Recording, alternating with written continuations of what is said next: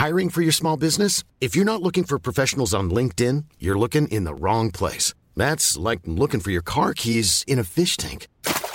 LinkedIn helps you hire professionals you can't find anywhere else, even those who aren't actively searching for a new job but might be open to the perfect role. In a given month, over 70% of LinkedIn users don't even visit other leading job sites. So start looking in the right place. With LinkedIn, you can hire professionals like a professional. Post your free job on linkedin.com slash people today. Why don't more infant formula companies use organic, grass-fed whole milk instead of skim? Why don't more infant formula companies use the latest breast milk science? Why don't more infant formula companies run their own clinical trials? Why don't more infant formula companies use more of the proteins found in breast milk? Why don't more infant formula companies have their own factories instead of outsourcing their manufacturing? We wondered the same thing. So we made ByHeart, a better formula for formula.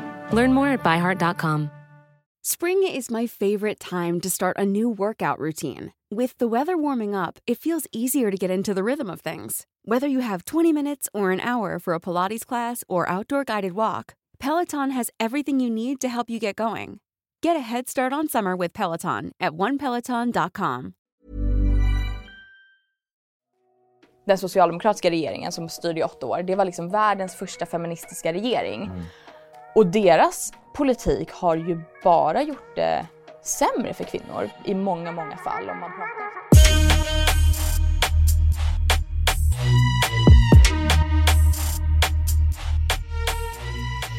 Hej på er och välkommen tillbaka till Dialogiskt. Mitt namn är Viktor och jag är som vanligt er host. Fortfarande tacksam över att ni subscribar, delar men framförallt tipsar era nära och kära om vår fantastiska kanal. Som vi alltid säger, ni är en del av vår livlina. Den här veckan har vi en gäst som eh, eh figurerar ganska mycket på sociala medier. Ursäkta mig. Eh, hon eh, har även eh, en förmåga att eh, säga exakt vad hon tycker, vilket enligt många och enligt henne eh, skapar en debatt. Eh, och det vi gillar hos Dialogiskt det är samhällsskildringar om människor som faktiskt skapar debatter, för vi vill ha en dialog. Vi välkomnar Denise Westerberg, journalist och politiker till Dialogiskt. Tack så mycket! Tack. Kul att vara här! Kul att ha dig här. Väldigt Tjena! spännande.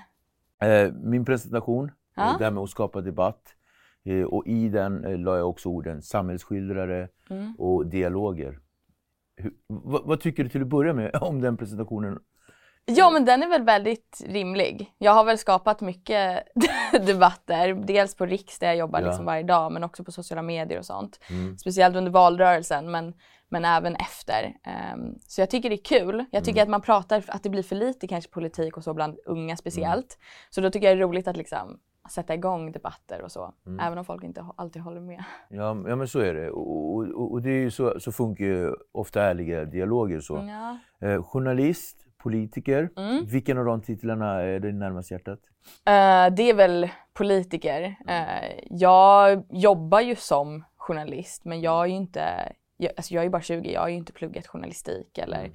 så. Eh, men eh, det är ingen skyddad titel i Sverige utan det är bara att ansöka om ett presslägg så, Ja, så blir man journalist. Eh, men politiker är väl närmare hjärtat. Mm. Eh, på senaste har jag börjat kalla mig opinionsbildare lite också. Eh, för jag tänker väl att det passar väl in med med tanke på hur mycket opinion jag pratar Mm. eh, på sociala medier och på Riks. Och, Mm. Berätta lite om Riks. Riks är en eh, konservativ nyhetskanal, brukar vi kalla det, mediekanal. Jag har jobbat där i, eh, vad blir det, ett och ett halvt år, eh, tror jag. Lite mer än ett och ett halvt år. Eh, så vi gör, varje morgon har vi ett morgonprogram där vi pratar om nyheter men också drar en liten konservativ vinkel på det. Så jag brukar leda det. Mm. Och sen så sitter vi i en panel och diskuterar de här nyheterna. Eh, och det startade väl som en motreaktion med att public service enligt mig är ju väldigt, många fall väldigt vänstervridet. Ja. Eh, speciellt SVT. Och då kände jag, eller det är inte jag som startade det, men tanken var väl att det måste finnas något som, som inte är vänstervridet och som är mer konservativt. liksom. Ja. Och det blev väldigt uppskattat. Eh, jag tror att vi har strax över 100 000 prenumeranter nu. Och det gick jättesnabbt. Ja, ni, jättesnabbt. Ni hade, ni hade 80 i somras. Ja, 80 någonting. så kan det nog Och vara. nu har ni 100 plus. Mm. Och det är jättebra. Ja, så det gick väldigt undan. snabbt. Eh, ja, men det sagt till tittarna att inom Youtube så, så är det ganska mycket. 20 000 nya följare brukar ta ganska lång Mm. tid för en del. Så, så ni gör ju liksom ett slagkraftigt eh, eh, jobb och, och uppskattas uppenbarligen. Ja, så det är kul. Men när du säger, jag, jag blev kvar lite grann i det här med eh, så här, vänstern, högern, snacket. Hu- Hur pass mätt eller trött är du på det? Eller är det tvärtom? Känner du att det här är ju det som du gillar att prata om? Vänstern och högern och så här. Förstår Alltså, du min fråga? Ja, typ. Typ. Alltså det är ju mycket, det, jag pratar ju politik varje dag Mm. känns det som. Eh, och det gör jag väl också. För jag har ju Riks och där pratar jag politik och sen så eh, mitt engagemang i Ungsvenskarna är Mm. ju såklart väldigt mycket politik. Så det blir ju politik på politik på politik. Mm. Eh, så att när jag umgås med vänner som inte är på- med i förbundet eller politiska, då försöker jag att verkligen säga okej, vi ska, inte- jag ska släppa det och inte prata om det liksom. Och efter valet, efter Mm. valrörelsen, man hade, det var det enda som hade gått i huvudet hela fattar. tiden. Då var man helt då var jag helt trött på det och då tänkte jag att nu, nu är jag inte intresserad av politik Mm. längre. Men så tog det två veckor och så Och så, kom intresset tillbaka igen. politik för dig, Mm. eh, vad betyder det? Det betyder väl att kunna förändra. Mm. Eh, jag engagerade mig väldigt tidigt politiskt och jag hade ingen koll på politik innan. Eh, och jag, alltså jag, hade någon frågat mig två år innan jag blev politiskt engagerad, så här, ah, vad, säg tre personer som sitter i regeringen. Så hade jag nog inte kunnat nämna det för jag hade ingen koll. Utan jag blev ju bara engagerad för proble- problemen jag såg i samhället. Ehm, och engagerade mig för att men, göra min röst hörd och försöka få till en förändring. Och för att känna att ska jag sitta, jag säger ju väldigt mycket mina åsikter och det kändes fel att jag bara ska sitta hemma och klaga om jag inte gör något åt saken. Eh, Så då kände jag att ja, men då engagerar jag mig. Ehm, Och sen är det såklart, jag tycker det är väldigt roligt också. Det är mitt största intresse med politik och man träffar ju väldigt intressanta människor och så. Ehm, Så det är väldigt kul. Så redan vid i 17-årsåldern var du liksom igång och sådär? Mm. Jag gick på min första möte med Ungsvenskarna då i alla fall. Okej. Mm. Ungsvenskarna Mm. och Sverigedemokraterna. Ja. Varför just Sverigedemokraterna? Ja, så det var inget självklart val från Nej. början. Eh, utan jag hade jättemycket fördomar om Sverigedemokraterna som väldigt många andra hade då för bara några år sedan och nu eh, finns det ju väldigt många som har väldigt mycket fördomar om Tror du att det Sverigedemokraterna. är mer nu än tidigare? Mm, jag tror att det är lite skillnad. Jag tror att fler och fler ehm, som kanske läser på mer om politik och kanske äldre människor inte har samma fördomar om Sverigedemokraterna längre. Men unga som kanske tar mycket nyheter från typ TikTok och Instagram där Alltså vi har kommit in i en sfär där man bara litar på allt som folk säger. Och om någon säger så här, "Ah, Sverigedemokraterna är rasister, homofober och sexister. Och då är det så här, okej, men då, då tycker jag det. Så att på så sätt tror jag att många har fler fördomar nu. Men jag började läsa på om de olika om de olika partierna. För jag kände att jag kände liksom inte igen mig på samma sätt i Sverige längre med trygghet och mm, jag började väl inse typ hur, hur samhället fungerade och vad som var fel. Speciellt då med liksom trygghetspolitik och kriminalpolitik och jag, jag kände mig liksom inte trygg när jag gick ut på kvällen på samma sätt. Jag såg hur um, ja, men våldtäktsmän fick typ inga straff alls eh, och att de kunde få liksom samhällstjänst eller böter för att ha, eller villkorlig frigivning för att ha våldtagit någon och då var jag så här, vad, vad är det som har gått fel här? Hur kan det vara så här? Vem bestämmer det? Okej, men det är politikerna och då började jag kolla på de olika partierna och sen så var jag så okej men jag håller ju med eh, om allt Sverigedemokraterna tycker. Men det tog också ett tag att typ komma liksom till sans med det att säga okej men jag, för att det fanns så mycket fördomar och jag var så okej jag vet att folk kommer bli sura, jag vet att vänner kan ta avstånd. Jag hade aldrig pratat politik med min familj. Jag hade ingen aning om hur de skulle reagera. Men till slut var jag så här, eh, för jag funderade så här, ska jag gå med i Moderata ungdomsförbundet eller Kristdemokraterna? Men så kände jag så här, men om jag ändå ska engagera mig politiskt så får jag väl gå med i det partiet som jag håller med om på Som riktigt. med om på och inte riktigt. vara feg. Och så gick jag på en träff med Ungsvenskarna. Eh, Och sen har det bara fortsatt efter det. Ja, om jag, om jag, om jag ställer den här ganska kraftfulla frågan. Mm. Hur mycket har det påverkat dig, eller kraftfulla, det är ändå, men hur mycket har det påverkat dig och din omgivning efter du gick med i politiken? Alltså, eller när du blev offentlig? För det känns ju som, precis som du säger, det var ju inte så länge sedan. Nej. Eh, hur har det påverkat din omgivning? Jag menar vänskapskrets och, Mm. och, och lite sådär. vänskapskretsar och så har inte påverkat jättemycket. Jag trodde att det skulle bli en uh, större grej. Mm. För jag gick ju i gymnasiet. Uh, och när jag, det spreds ju sig som en liksom, löpeld såklart. Jag gick ett ganska stort gymnasium. Uh, och så fort jag liksom kom ut som sverigedemokrat så visste ju alla det på några dagar. Eh, för att det var ju ganska ovanligt att engagera sig politiskt i så tidig ålder också och Sverigedemokraterna var ju fortfarande lite kontroversiellt. Mm. Men jag fick typ bara positiv respons. Det var många frågor så här, ha men är du rasist eller är du homofob eller så här, varför vill du låsa fast kvinnor vid spisen? Och jag vill ju inget av det och jag är ju inte homofob, rasist eller sexist och varje gång man liksom förklarade det så var det ganska lugnt igen och folk bara så här, aha, ja men kul för dig typ. Uh, sen har jag haft några vänner som har tagit avstånd såklart. För att de har känt att Ni inte har samma värderingar. Ja, att vi inte har samma värderingar och sådär. Uh, men annars har det ju varit mest positivt. Jag har ju lärt mig jättemycket av politiken. Uh, jag har alltid varit ganska liksom, extrovert men jag var ganska blyg innan med att prata framför folk och sånt. och det har man ju verkligen fått öva bort när man har fått stå på skolor och debattera. Och, Mm. Retorik? Ja, retorik. Jättemycket retorik. Um, och det har ju också med Riks att lära sig att stå och prata flytande mm. och alltihopa. Så att jag har ju lärt mig väldigt mycket. Men det har ju såklart påverkat mitt liv. Mm. Jag kan ju inte leva mitt liv på samma sätt som, som jag kunde förut. Mm. Uh, för, för nu är du att, offentlig person. Ja. Och jag blir ju igenkänd. Ja. Um, och det tyckte jag var jättekul i början. Jag tycker fortfarande det är roligt när folk kommer fram och säger snälla saker såklart. Mm. Uh, och det gör folk ganska ofta ändå. Mm. Kommer fram på tåget och så här, ah, gud vad kul, typ så här, uppskattar dina videos och då blir man ju väldigt glad.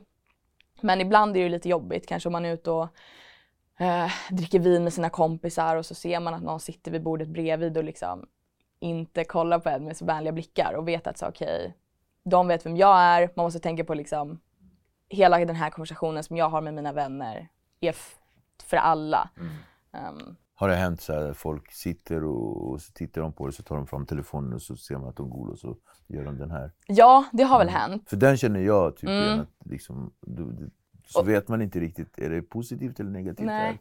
Och det är som att folk inte liksom tror att man ser en telefon mm. men man ser det ganska tydligt om man sitter till exempel på tunnelbanan och någon bara Helt plötsligt. Ja, det märks ju. Um, men jag tycker inte det jag tycker inte det är jättejobbigt så. Jag tyckte det var lite nervöst i början och lite spännande. Det är ju inte lika kul när folk kommer fram och säger elaka saker såklart. Uh, eller gör elaka Men, saker. På tal om det, uh, så, uh, den sidan då? Mm. negativiteten och, och, hot eventuella. Mm. Så där, har du varit med om något sånt som, som påverkar dig mycket? Ja, alltså jag har ju varit med om mycket hot, eh, speciellt under valrörelsen. Sociala medier? Ja, sociala medier. När jag var som mest aktiv på TikTok och jag hade liksom, jag tror att jag hade 4-5 miljoner visningar i veckan eller någonting. Det var mycket rants där ett tag. Ja, ja. Um, då var det ju väldigt många som skrev. Mycket mm. anonyma Instagram-konton som Ja men alltså det är ju mordhot liksom. Mm. Uh, och hot om att man ska misshandla mig och allt möjligt. Och det är såklart att det är inte så roligt Nej. att få när man liksom bor själv som 20-årig tjej eller 19 som jag var där ett tag. Mm. Um, men mycket av det är ju Alltså det är ju bara snack liksom ja. och jag fattar ju det också. Hade någon velat döda mig hade de inte skrivit det till mig på Instagram först. Eh, mm. För det hade ju inte varit speciellt mm. smart. Så jag fattar ju att det är mycket snack men det är klart det blir jobbigt och det är därför också jag valt att jag lägger ju typ inte ut uh, bilder på min familj så mycket på sociala medier mm. eller skriver deras namn eller uh, pratar om vad de jobbar med eller vad de heter eller så intervjuer. Sen är ju allt sånt som går att söka upp. Ja, precis, men... Vi har ju det att alla adresser och allting finns ju. Mm. Men man ska ju inte väcka en björn som sover. Nej, precis. Eller sover, vet inte. Men, ja. ja, men du hör mig. Uh, ja, men de här hoten, vi pratade lite grann innan Mm. och jag blev lite så här ställd, men det här att folk har faktiskt kommit fram och spottat på dig, Mm. kastat sten på dig och Mm. lite sådär. Ja, alltså det är ju, man blir ju väldigt chockad. Mm. Eh, det var efter valet så kom, satt jag på tunnelbanan med min hund Madicken som är bakom kamerorna. Mm. Eh, och sitter liksom och håller på med min telefon som alla på tunnelbanan gör och det var liksom helt fullsatt. Jättemycket människor. Eh, och jag har inte känt mig speciellt det här var på dagen. Alltså jag var på vägen från jobbet, klockan var typ 16. Eh, Mm. och jag, har ju, jag engagerar mig för att jag kände mig otrygg. Mm. Eh, men jag har ju inte känt mig otrygg när det är ljust ute och åka tunnelbana liksom. Och så bara kom det fram en tjej och eh, spottar mig rakt i ansiktet. Och då blir man så här, oj, folk tycker verkligen inte om mina åsikter. Eh, och det blev som en liten tankeställare att så här, folk, ja men det, det uppskattas inte av människor.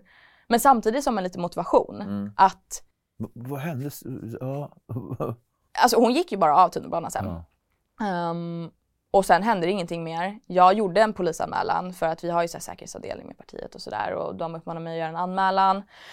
Ehm, och de hade ju, det var ju på tunnelbanan så det var ju liksom videoövervakat, de hade film på det men det lades ner såklart. Ja. Eh, det har varit väldigt många polisanmälningar.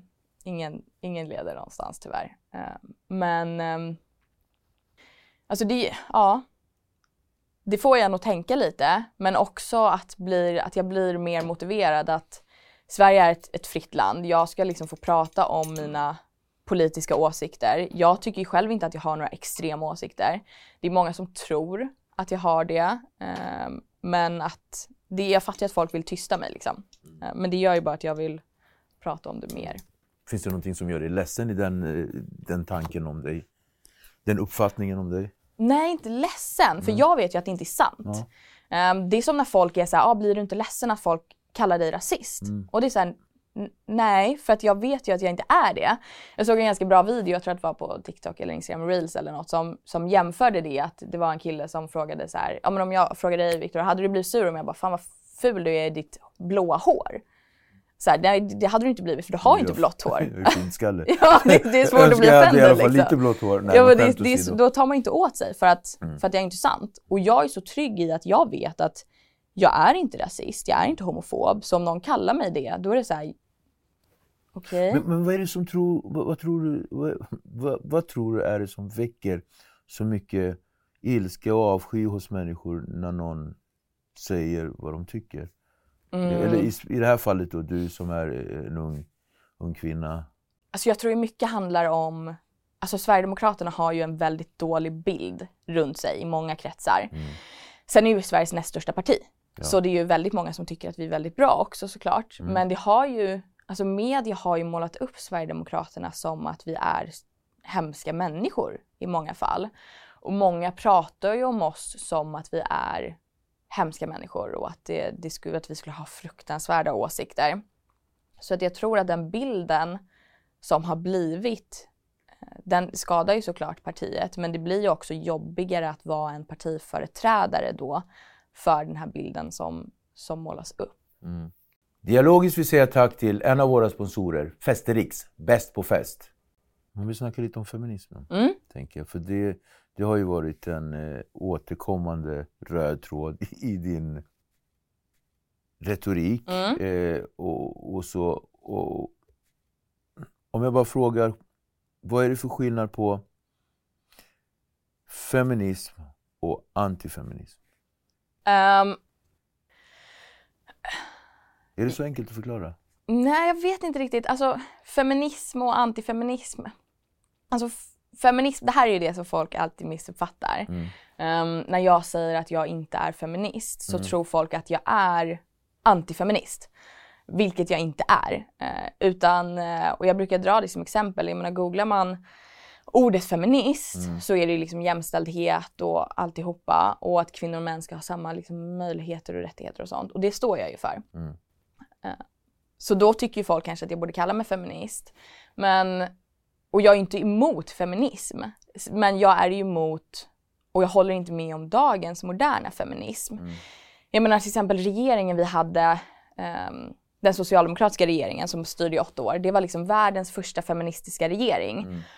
Och deras politik har ju bara gjort det sämre för kvinnor i många, många fall. Om man pratar speciellt trygghet, kriminalpolitik, alla sådana frågor har ju bara, det har ju bara blivit, det, har inte, det, är, inte, det är inte hårdare straff för våldtäktsmän och um, massa sådana saker. Och då tycker jag inte att, det är inte en feminism som jag kan ställa mig bakom. Ehm, och ja, men kvotering och, och många olika politiska frågor som jag tror vi kommer komma in på. Och om jag då skulle kalla mig feminist, eh, då hade ju folk antagit att jag stod för den feminismen som, för det, här, det är ju ett begrepp som har blivit taget av vänstern. Ehm, och de som kallar sig feminister och liksom är eh, radikal feminister eller vad man ska säga på sociala medier är ju i alla fall eh, vänster. Eller vänstervridna. Och jag vill liksom inte att någon skulle kunna misstolka att jag står för samma typ av jämställdhetspolitik. Okej. Typ. Eller, hur menar du? Alltså jag vill ju inte, som jag sa, jag står ju för begreppet feminism, jag står ju för jämställdhet. Ja. Självklart, jag är kvinna själv. Det hade ju varit helt idiotiskt om jag inte tyckte att kvinnor och män skulle ha samma möjligheter och rättigheter och ja, leva lika bra liv. Men jag står ju inte för den moderna feminismen, alltså den som finns i Sverige idag. Ja, men om vi benar ut, eh, för det är intressant. Mm. För det var också en fråga som, som jag har och som vi diskuterar lite grann. Ja. Vad är det för skillnad på den moderna feminismen idag och eh, alltså den eh, traditionella Mm. konservativa då, kan man säga så? Ja. Ja, alltså den, den feminismen som har funnits genom historien har ju varit jättebra. Mm. Um, och det har jag ju sagt också på mina sociala medier att jag hade ju såklart inte fått vara politiker om det inte var för feminister förr. Och jag hade inte fått eh, jobba, jag hade inte fått rösta, jag hade inte fått liksom, köra bil och allt sånt. Så att feminister förr är jag jättetacksam för. Så du menar att den moderna feminismen går emot de värderingarna eller tankarna? Nej, alltså det är inte direkt så att den moderna feminismen vill att vi ska liksom ta tillbaka rösträtt hos kvinnor. Så det går inte emot så. Men jag tycker att, att det går åt fel håll. Att om vi har gått liksom framåt hela tiden i jämställdhetsutvecklingen i Sverige och nu har män och kvinnor samma rättigheter och samma möjligheter. Eh, Det är klart att det finns fortfarande lite, lite saker som behöver förbättras för kvinnor i Sverige. Eh, Ja men trygghetspolitik och förlossningsvård och alla sådana eh, frågor. Men vi har ändå kommit till någonstans där män och kvinnor är värda lika mycket. Och då känns det som att man bara vill liksom komma in på massa sidospår för att på något sätt fortsätta den här feministiska debatten. Ehm, som till exempel det här med kvotering, ehm, det här med att man ska tillåta biologiska män i kvinnliga omklädningsrum. Berätta om den grejen. För där, eh, jag vet att du har skrivit Ja. någonting, jag vet inte om, jag la, om det var inlägget jag la för ett tag sedan här, Mm. om just den grejen att det här, du, du, rätta mig om jag har fel, då uttryckte du någonstans att eh, jag skulle inte vilja vara i ett omklädningsrum när det kommer in en man som är klädd som kvinna Nej. eller något liknande. Ja, alltså det, på senaste har det ju blivit som att feminismen, den här radikala feminismen, eh, lyfter upp män eh, som liksom låtsas, eller som identifierar sig som kvinnor. Jag menar vi har sett flera eh, sporttävlingar, idrottstävlingar eh, och sådär där biologiska män får tävla mot kvinnor. Och de vinner ju såklart för att, let's face it, män är starkare än kvinnor biologiskt. Vi har liksom, kropparna är uppbyggda på Fysiskt andra och sådär. sätt och fysiskt. Ja, det var en sim, simtävling Ja, och det var en, eh, i Kanada till exempel så har man röstat igenom i en domstol att varje person, bara man går in samma dag i en tävlingslokal och säger att jag identifierar mig som en kvinna idag, så får man tävla mot kvinnor. Till exempel i tyngdlyftning. Eh, och det finns ju ingen chans att hur mycket en, en kvinna har tränat, om en man har tränat lika mycket, men då kommer han vinna i den tyngdlyftningstävlingen. Och då har vi ju kommit till att, men nu trycks ju kvinnor bort igen. Eh, och nu har ju män, ska män få ta kvinnornas platser i, i sporterna igen, då går man ju då blir det ju ofeministiskt, eh, men det är ju den moderna feminismen. Så så du, det- du menar att det blir liksom förvirrat och en twist? Och, Ja, precis. Och det är ingenting som jag kan stå för. Och det är samma sak som det här med eh, eh, omklädningsrum. Att män ska få vara i kvinnors omklädningsrum på gymmet till exempel. Jag tycker bara det är helt sjukt. Ehm, jag menar, jag tränar på ett gym där vi har ett, en del av gymmet som är tjejgym till exempel. Och där är en låst, ja, man har ju sitt gymkort och så blippar man in på, på tjejgymmet för att komma in i den delen. Och samma sak med omklädningsrummet. Att killarnas omklädningsrum behöver man ingen nyckel eller någonting, men tjejernas behöver man en blipp. Och det är ju för en säkerhetsgrej. För att ehm, män inte ska skada kvinnor liksom. Ehm, och då förstörs ju hela den grejen om man då ska liksom släppa in män som identifierar sig som kvinnor i omklädningsrummen och i de här säkra zonerna som finns. Och jag tror inte vi är långt ifrån alls att för män, alltså det, det kommer alltid finnas folk som utnyttjar systemet. Ja. Det kommer alltid finnas det. Och vi har kvinnojourer, vi har säkra boenden för kvinnor som har blivit slagna av sina män. Eh, kvinnor som flyr från sina män för att de kanske blir våldtagna och slagna och sånt. Som flyr med sina barn till såna här eh, säkra bostäder eller hus där de, de får vara säkra. Till slut så kommer vi komma till det att om det fortsätter i den här riktningen att då får även män som säger men jag identifierar mig som en kvinna nu också komma dit. Mm. Och då kraschar ju hela det här systemet som vi har byggt upp för att trygga kvinnor. Kraschar ju då igen. Ja, precis. Um, Är, är det här en, eh, en, en fråga eller ett ämne som du känner att, att du stöter på patrull, eller att du, patrull, att du stö- stöter på motstånd i ja, från olika håll? ja, folk tycker ju att eh, eh, Alltså det, det är lite olika. Är det att att- folk inte förstår? Eller? Jag tror att det är folk inte förstår. För på samma sätt så är det många som säger att man är transfobisk till exempel. Ehm, och varje person, om jag har träffat någon i verkligheten som ehm, eller på någon debatt som är så här, ah, du, du är transfobisk om du inte tycker att eh, män som identifierar sig som kvinnor ska få byta om i kvinnornas omklädningsrum, för vart ska de annars byta om? Och det är så här, okej men hade du då som kvinna, hade du verkligen känt dig bekväm om det kom in en man och bytte om i ditt omklädningsrum? Och då är det ofta så här, nej, men man måste låta det vara så. Och jag tycker inte att man måste låta det vara så. Men det är ju många som blir upprörda. Men samtidigt så, alltså den debatten är inte lika stor i Sverige heller. Det är ju mest i USA. Eh, För där är de ju alltid väldigt mycket extremare, både ja, mycket åt vänster, hela den här woke-rörelsen. Och där får man ju upp, eh, jag får ju upp väldigt mycket TikToks till exempel, där är, jag fick upp någon någon video där det var en man som filmade sig själv eh, i- i selfie-mode. Han hade liksom skägg, stubb och allt möjligt och var väldigt upprörd för att i bakgrunden så hörde man en mamma och hennes barn var så här, you can't be in the, in the girls locker room at the, ja, på simhuset typ. Ja. Och då undrar man ju så här, hur långt har det kommit när de... Jag tycker aldrig man ska acceptera det. För att det blir så utsättande. Alltså kvinnorna och flickor hamnar i en sån utsatt situation. För det finns en anledning till att vi har separata omklädningsrum. Det finns en anledning att det finns låsta tjejdelar på gym, vad man än tycker om det. Det finns en anledning att safe house för kvinnor som har blivit utsatta av sina män eller i relationer, att det bara är kvinnor där. Ja. ja, precis. Mm. Mm, intressant. För, du, men det här med kvotering, du var inne på det lite Ja. grann. Det var jätteintressant. Jag, jag tar ett citat från, på Twitter. Ja. Kommer du ihåg det citatet? Där du, Eh, kvotering är ett praktexempel på att eh, modern feminism suger.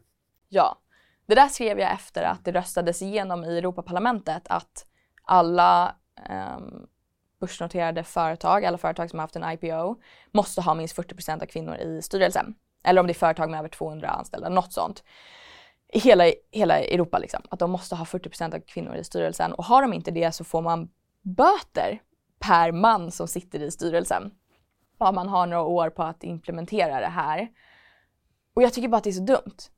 Jag, alltså, för då blir det som att okej, men kvinnor är inte tillräckligt smarta eller tillräckligt drivna för att ta sig till de platserna själva. Utan vi att måste... de ska få hjälp. Och, och, Ja, man måste få hjälp och det blir bara förnedrande. Alltså jag hade ju mått så dåligt om jag kom till en arbetsplats och men, hade en intervju, arbetsintervju och så får jag jobbet och jag är så här: yes, jag var bäst lämpad. Fast du Gud var vad typ inte kul. ens kapabel. Nej, och så kommer jag börja på jobbet eh, och så får jag höra att så här, ah, det var en man som var mycket bättre än dig, men du är kvinna så du får vara här. Det blir också så här, men det är ju bara förnedrande mot kvinnor. Och jag förstår inte hur det kan vara feministiskt. För att det, det är ju bara fördummande. Det är ju att säga att kvinnor klarar inte att komma upp till de här positionerna själva, så vi lyfter upp dem.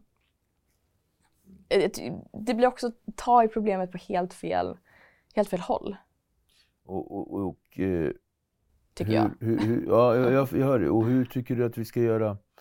Nu ligger ju inte det i dina händer att göra de, de största, men åsiktsmässigt då? Hur tycker du att det borde vara då istället? Precis på gamla, men så här, utifrån meriter, det man presterar Ja. och det man är bra på. Det är så du menar? Ja, jo- precis. Och jag tycker att det är så konstigt att det ens är en debatt. Alltså så här, om det handlar om ett jobb, då är det väl klart att man ska gå på vem som är bäst på jobbet. Den som är mest lämpad, den som har bäst meriter och den som kommer sköta jobbet bäst. Jag tycker att både män och kvinnor ska ha liksom samma möjligheter, samma rättigheter, men samma krav också på sig. Och att ja, om man söker ett jobb, det ska inte, det ska inte handla om vilket kön man har. Det, det är ett så konstigt sätt att se på det, att så här, vi väljer dig för att du är kvinna eller vi väljer dig för att du är man. Nej, så här, välj mig för att jag är bra och för att jag är liksom värdefull på den här arbetsplatsen. Inte för att jag har ett annat kön än någon annan. Men som, som jag förstår det rätt nu Denise, så, så är det den moderna feminismen som du känner så starkt emot, inte Ja. liksom dess ursprung. Nej, precis. Och där blir jag ju missuppfattad många gånger.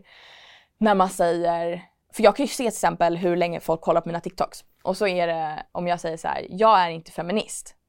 Och sen så bara går visningarna liksom, och så börjar man prata om det. Men folk har bara liksom lyssnat på första delen. Att säga, mm. okay, och så är kommentarerna så här, du hatar kvinnor. Hur kan du hata kvinnor när du själv är kvinna? Och jag fick kommentarer efter min video där, som du delade på internationella kvinnodagen. Att så här, håll käften, det är feminismen som har fått att du får göra den här videon och att du har möjligheten att prata politik. Och så här, jag hör er. Alltså jag är helt med er jag vet att det är feminismen som har gjort att jag får prata politik och jag håller med om den gamla feminismen. Men som sagt den moderna feminismen idag där man liksom prioriterar att kvotera in kvinnor eller att kvinnor ska få håriga armhålor före att våldtäktsmän ska ha högre straff. Jag tycker det är, jag tycker det är en helt sjuk prioritering. Dialogiskt vill säga tack till en av våra sponsorer, kejsar.se, exklusiva smycken för män. Vi var inne på, på vänstern och högern. Eh, och så här. Ehm, på vilket sätt är vänsterns politik dålig för kvinnor? Är vänsterns politik dålig för kvinnor enligt dig? Alltså det är klart att det finns bra inslag för kvinnor i vänsterns politik också. Eh, jag inser ju själv att liksom vänstern inte hatar kvinnor. Eh, men det finns mycket saker som är dåliga, ehm, som är väldigt dåliga och som påverkar väldigt mycket. Och det är väl främst, tycker jag, trygghetspolitik och kriminalpolitik. Mm. Jag menar vänsterpartierna vill inte ha högre straff för våldtäktsmän. De vill inte ha högre straff för ja, men våldsbrott, alltså våld i nära relation, män som slår kvinnor. De vill inte jag menar, alltså, de vill inte ha högre straff på de här brotten som drabbar eh, de vill inte ha högre straff på några brott, men det är ju också kvinnor som drabbas av eh, många av de här brotten. Och att man inte ska liksom känna sig trygg när man går utomhus på kvällarna eh, och sen då att det blir också att om något händer, om vi säger att jag blir överfallsvåldtagen, mm. så kommer de här männen inte få något, eh, något speciellt högt straff. Det blir ju två lager av antifeministiskt. Alltså det blir dåligt för kvinnor, eh, väldigt dåligt för kvinnor och jag tycker inte att jag tycker inte att man kan säga att man står för kvinnors bästa samtidigt som man inte vill liksom, skydda kvinnor eller upprätthålla Alltså det blir ju som att man, som, som att man pissar kvinnor i ansiktet. Att så här, du har liksom blivit våldtagen, du har varit med om liksom det, typ det värsta man kan vara med om i ett liv. Och för många så förstör det hela livet att vara med om ett sånt grovt, grovt brott. Och sen så ser vi, ja men om vi tar han Damir Al-Ali, våldtäktsmannen som fick 840 000 kronor i skadestånd. Ja, han har alltså våldtagit två kvinnor varav ena våldtäkten var en gruppvåldtäkt och jag har läst de här förundersökningarna. Och jag fick liksom stanna flera gånger för att det är så fruktansvärt grova brott. Och det är så fruktansvärt grova våldtäkter och sexualbrott och våldsbrott mot de här kvinnorna. Och då att, att vara den här kvinnan, eller någon av de här kvinnorna, och sitta sen och läsa på nyheterna att min förövare fick 840 000 kronor i skadestånd. Medan jag inte får någonting. Um, för att som, om man ska få skadestånd, han blev ju dömd till att betala skadestånd till de här kvinnorna. Men i Sverige så måste man ju utmäta det här skadeståndet själv som brottsoffer från, från eh, sin förövare. Ja. Man får inte bara direkt från staten utan man måste få direkt av förövaren. Och han sa att han inte hade några pengar. Och de här 840 000 kronorna som han fick in, de pengarna är liksom säkrade.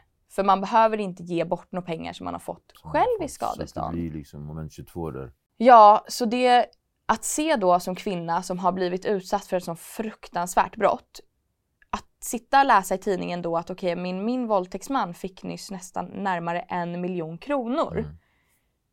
Och det som har lett till det här är ju att vi har haft en feministisk regering i åtta år med Socialdemokraterna i spetsen. Tror du att en feministisk regering eller en feministisk, feministisk eh, talesperson skulle tycka att det här vore eh, rätt? Eller?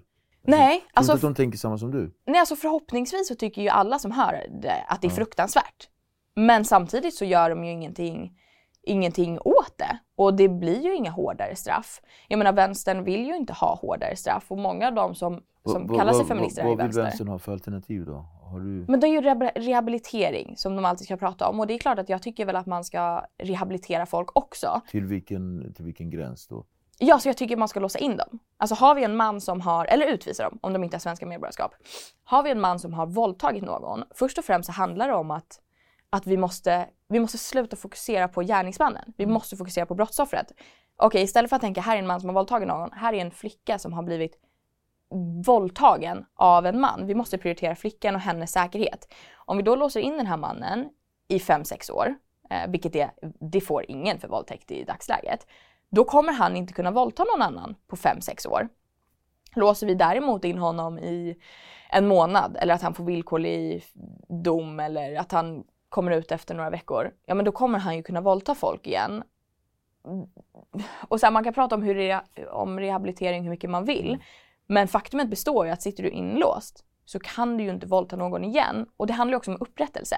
Att den här kvinnan ska känna att, som har varit med om det här grova brottet, att okej okay, men jag staten Sverige liksom är på min sida i det här och att han blir inlåst inne och jag får ett stort skadestånd. Sen är det klart att ingenting kan laga det om man har varit med om ett så grovt brott. Att, men man måste känna att, att man blir prioriterad och att man prioriterar kvinnorna. Men rehabilitering då? Jag tänker, sen kommer de ju ut ju. Mm. Rehabilitering på anstalt och sådär. För jag tänker, där finns det ju möjlighet till rehabilitering. Tycker att eh, kriminalvården har eh, en bra rehabilitering?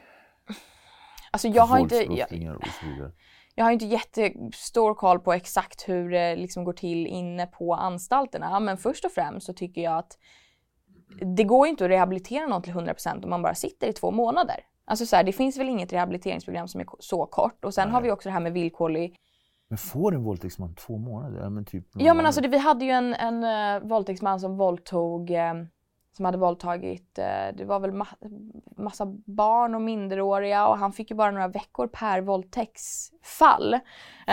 och sen så blev det. det ju mer i utsträckningen men det var ju för att det var så fruktansvärt mycket våldtäkter. Han, han fick, en, en mängdrabatt. mängdrabatt och det är också helt sjukt det här med att ja men alltså vänstern och feminister, för jag, de hör ju ihop, att de till exempel vill ha kvar det här med mängdrabatter och, och, och rabatter. Och jag tycker att det är så sinnessjukt att man ska ge rabatt på ett straff. Alltså det här är en man som har våldtagit massa, massa små flickor. Och då för att han har gjort det flera gånger. Alltså för att han har utsatt flera så ska han få rabatt för det. Det, det borde väl snarare vara att okej okay, men om du har gjort det två gånger, ja men då är det riktigt hemskt, då får du dubbelt. Eller tre gånger, ja men tre gånger. Jag tror att det där lever ju kvar i den principen utifrån eh, eh, rättsväsendet eller domstolen har, när de delar ut, eh, så ligger det kvar utifrån stölder och ja. när man har gjort många stölder då får man ofta en mängdrabatt. Mm. Och sådär. Men det, så kan man ju inte mäta i människovärde. Men jag tror att det är någonstans någon är du med mig någonstans? Ja. Den tankeformen ligger kvar och det är helt fel. Ja, ja, jag är helt med. Och det är därför politik, alltså den, eh, det styret som har varit de senaste åtta eller åren eller innan det också, Reinfeldt-styret också såklart, har ju också gjort väldigt mycket skada för Sverige. Att de liksom har misslyckats med att Alltså vi, vi har ett rättssystem som utgår från att vi bara skulle ha liksom goda medborgare och Um, ja men som du säger att mängdrabatt, ja men det ska gå ut från stöld. Ja men nu är det inte stöld utan nu är det ju liksom mord och våldtäkter och vapenbrott och alla sådana saker. Så man måste ju, man måste ju uppdatera det här. Mm. Um, och det ska förhoppningsvis ske nu med en ny, ny regering. Ja, och jag tänker så här, ny regering, jag tänkte liksom kontra med mm. Eh, nästa fråga, men det, det blir ju det opposite. Alltså hur är högerns politik bra för kvinnor? Det, mm. och det blir liksom åt andra hållet. Men, men jag hörde lite grann så här, det här med, du, du, du pratade mycket om, eller mycket, du sa lite grann där med ut, att vi utvisar dem mm. direkt och sådär. Och i det här fallet är det han Amiri eh, som fick skadestånd. Mm. Han är ju liksom föremål för att kunna utvisas. Mm. Men de som inte kan utvisas då? Till exempel svenskfödda män. De våldtar ju också. Mm. Eh, invandrare, inv eller etniska svenskar absolut, men mm. svenskar eller, som är födda i Sverige med invandrarbakgrund. De kan man ju inte utvisa.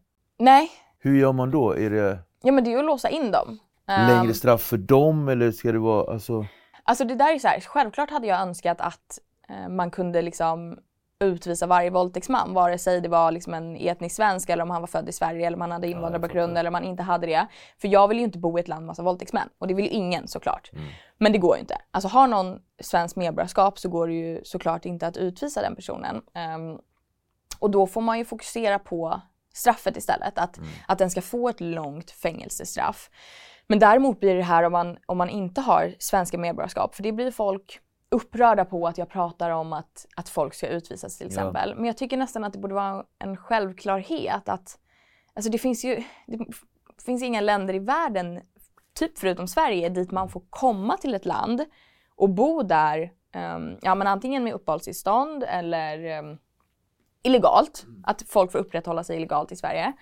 Och sen så begår man ett grovt brott mot, mot någon i Sverige, till exempel våldtäkt, och så får man vara kvar. Mm. Jag tycker att det är helt, helt, det blir helt sinnessjukt. Och kommer man till Sverige, alltså jag har inget problem med att folk kommer till Sverige om de lär sig svenska, anpassar sig och börjar jobba och liksom betala skatt och hela den grejen. Jag har inget problem med det. Men när man kommer till Sverige så, så har man, man ska följa våra svenska lagar och man ska, liksom, man ska vara tacksam för det svenska samhället som, som ger väldigt mycket. Och Sverige är ett väldigt bra land att leva i. Och om man då pissar på Sverige genom att komma hit och våldta någon, då ser jag inget problem med att man ska sätta den personen på första bästa flyg hem. Ehm, och då till det landet den kommer ifrån. Och där kommer vi in på det här med till exempel fängelsen i andra länder och sånt. För att det är ju samma som det här att folk kommer till Sverige, de våldtar någon och så hamnar de i fängelse. Och så säger vi att de kanske får fängelsestraff på tre år. I Sverige kostar det ungefär 6 000 per dygn att ha en person på fängelset. Då lägger vi sinnessjukt mycket pengar på den här människan som inte ens har ett svenskt medborgarskap. Eh, för att, han, för att han sen kanske ska utvisas. I många fall så utvisas ju folk inte från Sverige utan de får en utvisningsdom. Men sen så utvisas de inte. Eh, Så ja, jag tycker, jag tycker inte att det borde vara en så kontroversiell åsikt egentligen som det är. Men kan det vara att det väcker anstöt, ordet utvisning och ordet invandrare? Kan det vara de orden som väcker anstöt? Eller Ja, så? det- det tror jag absolut. förklarar, Om du liksom förklarar det så Mm. blir du mer förstående. Jo men det är som att folk, om folk hör liksom Ja men som mig, en ung kvinnlig sverigedemokrat säga ordet utvisning. Så blir folk, bara de hör det ordet så blir det liksom ramaskri. Eh, och att de tänker väl att jag ska liksom vilja utvisa alla invandrare som finns i Sverige. Och så är det ju inte. Men jag tror ändå att på något sätt så borde ju kvinnor och eh, ja, men folk som bryr sig om kvinnors säkerhet kunna komma överens om att ja, men kommer man till Sverige och sen våldtar någon, ja, men då har man ju förbrukat all sin rätt att vara kvar i landet. Punkt. Det ska inte vara någon mer diskussion.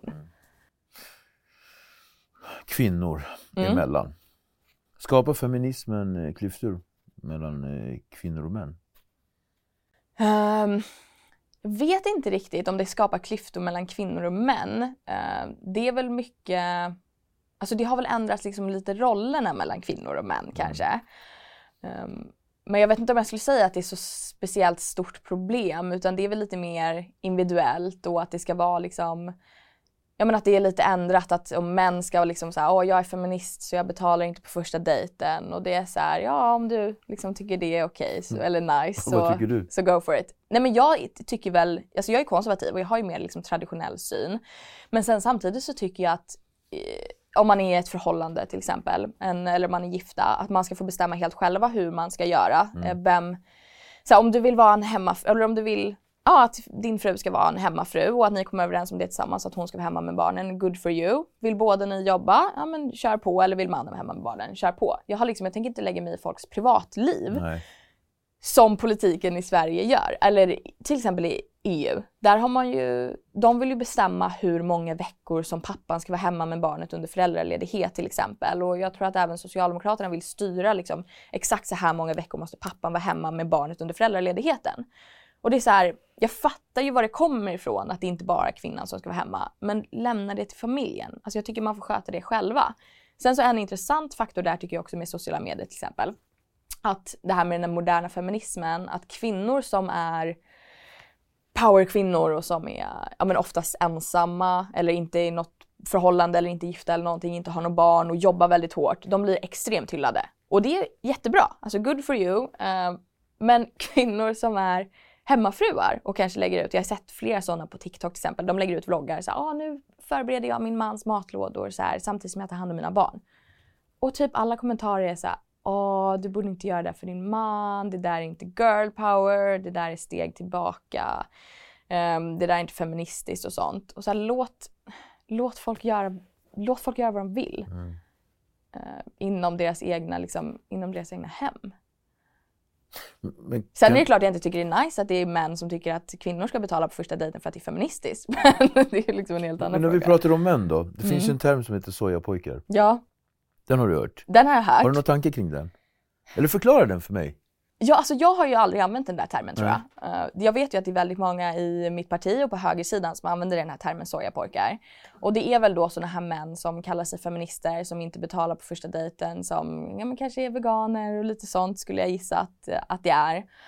Ehm, och ja, alltså jag, vet inte riktigt om jag har någon speciell åsikt eh, kring just sojapojkar. Jag tycker det är väl ett litet roligt Mm. uttryck. Men eh, De, de, tre, de tre värsta sakerna med feminismen då? Om du får po- pointa tre saker utifrån allt du har. För jag Mm. antar att du har ju en hel del. Ja. Ju. Men med den moderna feminismen Ja, då. förlåt. Ja. Så först och främst så tycker jag ju att det är kriminalpolitiken, alltså Mm. insynen man har. Att man fokuserar på gärningsmannen istället för brottsoffret och att man inte vill ha högre straff för våldtäktsmän. Att man inte vill ge ett större skydd för kvinnor som har flytt från äktenskap med våld eller relationer med våld. Att man inte vill ge högre straff till de männen som slår kvinnor, vilket är ett jättestort problem i Sverige idag. Sen så tycker jag att det är kvotering också. Ehm, är också ett jättestort problem. Och sen också hederskultur har vi inte pratat någonting om. Men Nej. det är också ett väldigt stort problem som aldrig lyfts från, från vänstern i princip. Det har väl börjat lyftas lite, lite på Inte. senaste Alltså, tycker jag jag. känner att man ser ändå ganska mycket inlägg från just Mm. vänsterradikala eller vänsterfolk. Eh, det här med skyddat boende, Mm. eh, hedersförtryck, eh, ja, men lite sådär. Och, och mäns våld mot kvinnor. Jag tycker att det kommer ändå Ja, så det upp. pratas ju mycket om det. Ja. Eh, Men du och menar att det pratas men det görs ingenting? det Det- görs ingenting. Ehm, Okej, så att jag inte missförstår. Nej, alltså så här, det, det pratas jättemycket om det och jag följer jättemånga eh, feminister på Instagram till exempel och jag försöker liksom följa en väldigt delad skara så jag ser åsikter från överallt. Så att du är med i matchen. Ja, precis. Och det pratas jättemycket om eh, ja, men, våld i nära relationer och våldtäkter. Men sen samtidigt så är det så här, okej, men om du inte vill höja straffen för våldtäktsmän och du vill inte liksom, ge ett större skydd för kvinnor som blir, blir utsatt för våld eller du vill inte att de här männen ska bli inlåsta längre. Varför står du då och pratar om det? Mm. För att om du inte vill göra något åt saken så blir det ju bara hyckleri. Ja, jag får. Mm, tycker jag. Ja. Så det är väl de som är de tre, tre värsta sakerna. Men, men, men finns det någonting bra då med modern feminism? Finns det något? Eh, Ja, alltså det är väl... Alltså som den har lett upp till, alltså feminismen, det feminismen har lett till ja. i Sverige och världen är ju jättebra. Jag menar som, som jag sa innan, jag hade inte fått, fått vara politiker, jag hade inte fått sitta här och bli intervjuad om feminism om det inte var för feminister förr. Jag hade inte fått jobba och haft samma rättigheter och sånt. Och feminism behövs i världen. Eh, men om vi kollar till exempel Iran, där behövs ju verkligen, verkligen feminismen. För där har vi kvinnor som inte men de, har, de får inte ta körkort, de får inte visa, alltså de får inte ens gå utanför hemmet utan att täcka sig. Och där behövs ju verkligen, verkligen feminismen. Men i Sverige så är det som att, att man bara, att vi har kommit till att ja, men män och kvinnor är värda lika mycket och nu ska man bara göra massa konstiga spins på det för att hålla igång debatten på något sätt. Eh, Men det är klart att feminismen har varit jättebra. Och feminism, ordet för sig, såklart står jag ju för. Men inte den feminismen som är idag. Blir det tröttsamt för dig att förklara sådana saker? Ja, lite. Men jag fattar ju varför jag behöver göra det också. Ja. Alltså hade jag själv inte varit påläst och nå- eller politiskt engagerad eller påläst eller någonting och någon kom fram till mig och bara, ja ah, jag är inte feminist. Då hade jag tänkt så här, aha är det för att du inte gillar kvinnor eller vad, vad är grejen liksom? Så jag fattar ju att jag behöver förklara det. Men det känns också som att det är fler och fler som inte kallar sig feminist, feminister. Typ ingen i Sverigedemokraterna gör ju det och jag vet att Moderaterna är det också färre och färre som kallar sig feminister. Samma i Kristdemokraterna och sådär. Så att det blir ju det blir vanligare och vanligare. Eh, Och det är väl för att vänstern har fått ett liksom, järngrepp på begreppet. Eh, mm. Invandringspolitiken Ja. och, och, eller kriminalitet när det gäller invandrare och sådär. Och nu när vi pratar om kvinnor och, och sådär. Anser du att kvinnors problem löser sig bättre om man inte hade haft så mycket invandrare i Sverige? Ehm, Curveball. jag tänker, sva- ja, jag tänker sva- svara på frågan på ett annat sätt. Ja, jag tycker absolut. att migrationspolitiken som vi har haft i Sverige har absolut lett till en ökad otrygghet bland kvinnor. För att vi har tagit emot så ofantligt mycket människor på ofantligt kort tid utan att ha någon plan. Alltså vi har bara tagit in massa människor och inte satt några krav eller någonting. Så vi har massa människor i Sverige som, ja, som inte, inte är med i det svenska samhället, lever i liksom sådana skuggsamhällen, de kan inte svenska, de jobbar inte, de eh, lever på bidrag och, och de kan inte de svenska lagarna eller så, så skiter de i de svenska lagarna för att de inte respekterar det svenska samhället. Och när vi har tagit emot så mycket människor till Sverige så leder det till ett otryggt samhälle för alla inte bara för kvinnor och det ser vi ju i statistiken. Och det här blir också folk, för folk blir sura på mig när jag säger det här. Men det här är ju inte statistik som jag hittar på själv, utan det här är ju statistik från BRÅ, alltså Brottsförebyggande rådet. Och där ser vi ju att majoriteten av de som är med i de här gängkrigen till exempel har utländsk bakgrund. Majoriteten av eh, de som är dömda för sexualbrott har utländsk bakgrund. Majoriteten för de som begår överfallsvåldtäkter, där är en jättestor majoritet som har utländsk bakgrund. Så att det går ju inte att undanfly på något sätt att det har påverkat kvinnors otrygghet. På samma sätt som att eh, vi har massa människor i Sverige som begår våldtäkter som eh, inte har svenska medborgarskap. Som inte blir utvisade. Eller som blir dömda till utvisning men som, som inte blir utvisade. Och det har jag rapporterat om jättemånga fall på Riks där det är folk som har fått en utvisningsdom. Mm. Som sen begår ett brott i Sverige. Eh, vi hade en jag rapporterade nu förra veckan tror jag, det var en våldtäktstrio i Malmö eh, som våldtog eh, prostituerade kvinnor i Malmö och hotade dem med machete och rånade dem. Och en av de männen, för de blev ju alla dömda till det här, och två av dem saknade svenska medborgarskap. Och en av männen hade blivit dömd till utvisning och blivit utvisad eh, i april 2021. Men har han sen, kommit tillbaka? Eller ja, han, och sen ja. i juni 2022 så var han i Sverige och våldtog kvinnor. Och då undrar man så här, då, alltså då, då går det ju inte att undangå att migrationspolitiken har varit ett extremt misslyckande för kvinnor eh, i det fallet. Men också ja, för alla liksom. Mm. Wow, ja, intressant. Uh, så nu har vi, hur länge har vi haft en ny regering nu? Vi har haft, vad är det, nio, sju, wow. Uh, det är väl sen uh, Ja, ett halvår ungefär. Det tog ju ett tag innan de bildades och ja, sådär också efter valet. Vad känner du där? Det finns ju en ständig fråga. Jag, jag, ja. la, jag har ju lagt ut på Instagram där folk skulle få ställa frågor mm. till dig. Och jag måste bara säga att jag förkastade typ alla frågorna. Ja. Dels var det löjliga frågor, mm. det var kränkande frågor. Mm. Eh, det var också, det var inte direkta frågor, det var folk som ifrågasatte varför jag ger dig en plattform hos mig. Ja. Det ligger hos mig. Mm. Eh, och sen var det också absolut så här, de här, är du rasist? Frågor, ja, sådana ja. frågor som ja. jag känner att de är banala. Ja. Basala. Eh, men en fråga eh, däremot som jag tagit är mm. Den här regeringen, och jag vet att det inte det har inte gått lång Nej. tid, men, men, jag ska få ställa den för att det var mm. en person som, han ställde den sex gånger jag såg, han vill verkligen att jag ska ställa Är du besviken eller nöjd med den här nya regeringen? Alltså, högern? Då? Jag är väl ingenting där mellan än. För att ingenting har ju liksom kommit på plats. Alltså mm. det tar ju... Politik i Sverige är ju väldigt mycket byråkrati och mm. det ska liksom gå igenom och det ska, allt ska ju utredas och jag är väl nöjd över att regeringen ändå har liksom tillsatt så många utredningar som man har kring till exempel ja, men visitationszoner och andra brottsförebyggande saker med gängkrigen och alltihopa. Mm. Um, och bättre förlossningsvård och sådana saker. Mm. Men allt är ju så här, man tillsätter en utredning och sen ska det utredas och sen så eh, formar man ett lagförslag och så ska mm. det röstas igenom och då kommer det på plats. Mm. Så att när det väl kommer på plats, om du frågar mig om ett år eller två år, så kommer jag nog vara väldigt nöjd för att det ser ljust ut. Mm. Men det är ju inte direkt så att jag går eh, på kvällarna nu och bara gud vad trygg jag är, vi har en hög regering. Mm. Eh, utan så funkar det inte.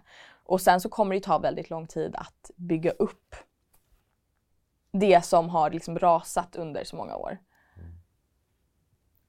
Mm. Är du eh, förväntansfull och positivt inställd till förändringar? Ja, det är jag. Jag tror att det ska bli väldigt det ska bli spännande att se hur, hur det går och hur lång tid det tar och liksom hur mycket man kan göra. Um, Alltså så här, det enda jag vill, varför jag är... min hund sitter här och tuggar på någonting. Varför, enda anledningen till att jag är politiskt engagerad och varför jag engagerade mig vid så ung ålder var ju för att jag vill ha ett tryggt Sverige. Mm. Och jag tycker inte att Sverige är tryggt nu. Jag känner mig inte trygg när jag går ute på kvällarna. Vi hade en Infostat kom ut med en mätning som visade att 68% av kvinnor drar sig från att gå ute på kvällarna mm. själva för att de är rädda. Och ett Sverige där 68% av kvinnorna är rädda för att röra sig själva på kvällarna är, det är ett trasigt land. Alltså det, det är ett trasigt samhälle och så ska det inte vara. Och jag önskar ju såklart någon gång i framtiden att den siffran, den kommer väl aldrig ligga på noll, men att den ska gå ner väldigt lågt så att, så att man känner sig trygg. Mm. Intressant samtal vi har haft. Mm. Tack för att du verkligen Väldigt kom. intressant. Tack så mycket. Men jag måste verkligen få fråga dig så här. Det finns två saker till. Mm. vad, vad anser du, alltså vad värderar du som högt? Men som du anser att gemene man inte värderar lika högt? Finns det någonting? Ehm, alltså politiskt liksom. Whatever. Eh, oj, svår fråga. Mm. Ehm, alltså det jag värderar högt är ju, alltså politiskt är det väl liksom trygghet och att man ska få upprättelse och sånt. Men det tycker jag ändå att många gör. Kanske inte just det här med upprättelse, för vi har ett väldigt liksom fokuserat gärningsmannaperspektiv i Sverige. att Man fokuserar på gärningsmannen och så. Ehm, men ehm, alltså annars, liksom vad jag, vad, vad jag värderar högt. Mm, vad värderar du som högt? Ja, så om man inte... Ja, det är väl liksom familj, vänner och sådana saker såklart. Min hund Madicken är- värderar jag väldigt högt. Men... ehm, Och det är väl, väl saker som andra, andra också prioriterar högt, deras egna familjer. Och man vill väl bara liksom leva ett härligt, fint, tryggt liv. Och jag hoppas att när jag någon gång får barn i framtiden, att jag liksom vågar släppa ut dem i Sverige utan att vara rädda för att de ska bli skjutna när de är på en lekplats som vi har haft barn som har blivit i Sverige till exempel. Och det är väl det målet jag jobbar emot. Att jag vill liksom, jag vill ändå kunna säga att så här, okej, jag, om, det miss, om det inte blir ett tryggt Sverige, så här, jag försökte mitt bästa. Men om det blir det att så ja, men jag, jag var ändå med och gjorde en förändring och nu har vi ett tryggt Sverige igen. Eh, och så fort det liksom svenska samhället är bra, då känner, kommer jag nog inte känna ett behov av att vara politiker längre. Eh, för jag gör, liksom, jag gör det inte för skojs skull på det sättet. Nej, ja. Sen är det mycket roliga as- aspekter med det också såklart. Men ehm, ja. Intressant. Mm. Bra svar. Då ska vi ta fram dialogisk-loggboken. Jag har inte berättat det för dig Nej. hur det fungerar. Men det är lite grann som sjö, sjörövare eller sjömän eller fartyg har ju en loggbok där man skriver i en massa saker. Och tillställningar, fester, Mm. har ju en loggbok. Om det är så lite extravagant så får man skriva vi var här och, och sådär. Ja, Hos Dialogiskt, ja men precis. Hos Dialogiskt har vi, har vi det så att tidigare gäst ställer en frågeställning eller skriver ett citat eller Mm. en fundering Okej. som man får läsa så får man kommentera det om man kan. Och så får man själv till kommande gäst.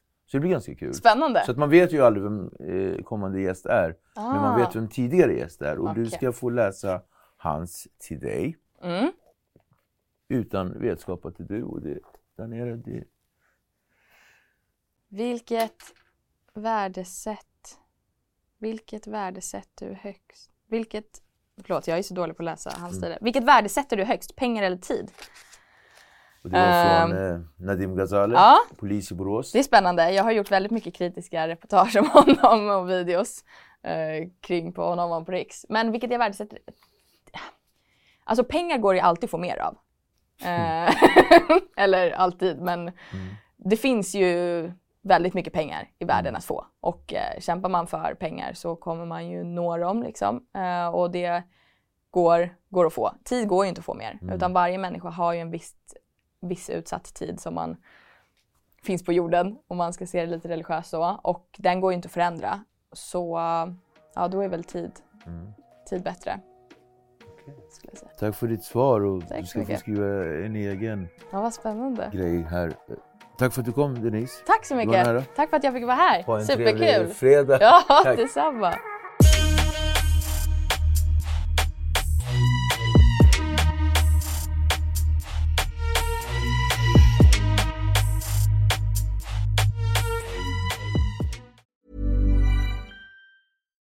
Why don't more infant formula companies use organic, grass fed whole milk instead of skim?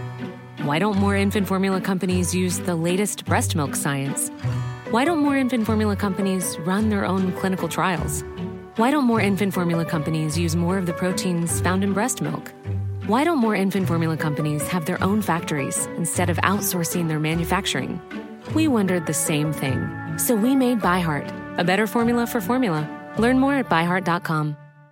How would you like to look five years younger? In a clinical study, people that had volume added with Juvederm Voluma XC in the cheeks perceived themselves as looking five years younger at six months after treatment. Look younger, feel like you. Add volume for lift and contour in the cheeks with Juvederm Voluma XC. Reverse signs of aging by adding volume to smooth laugh lines with Juvederm Volure XC. For important safety information and to find a licensed specialist, visit juvederm.com. That's J U V E D E R M.com. Not for people with severe allergic reactions, allergies to lidocaine, or the proteins used in Juvederm. Common side effects include injection site redness, swelling, pain, tenderness, firmness, lumps, bumps, bruising, discoloration, or itching. There's a risk of unintentional injection into a blood vessel, which can cause vision abnormalities, blindness, stroke, temporary scabs, or scarring. Talk to a licensed specialist to find out if it's right for you.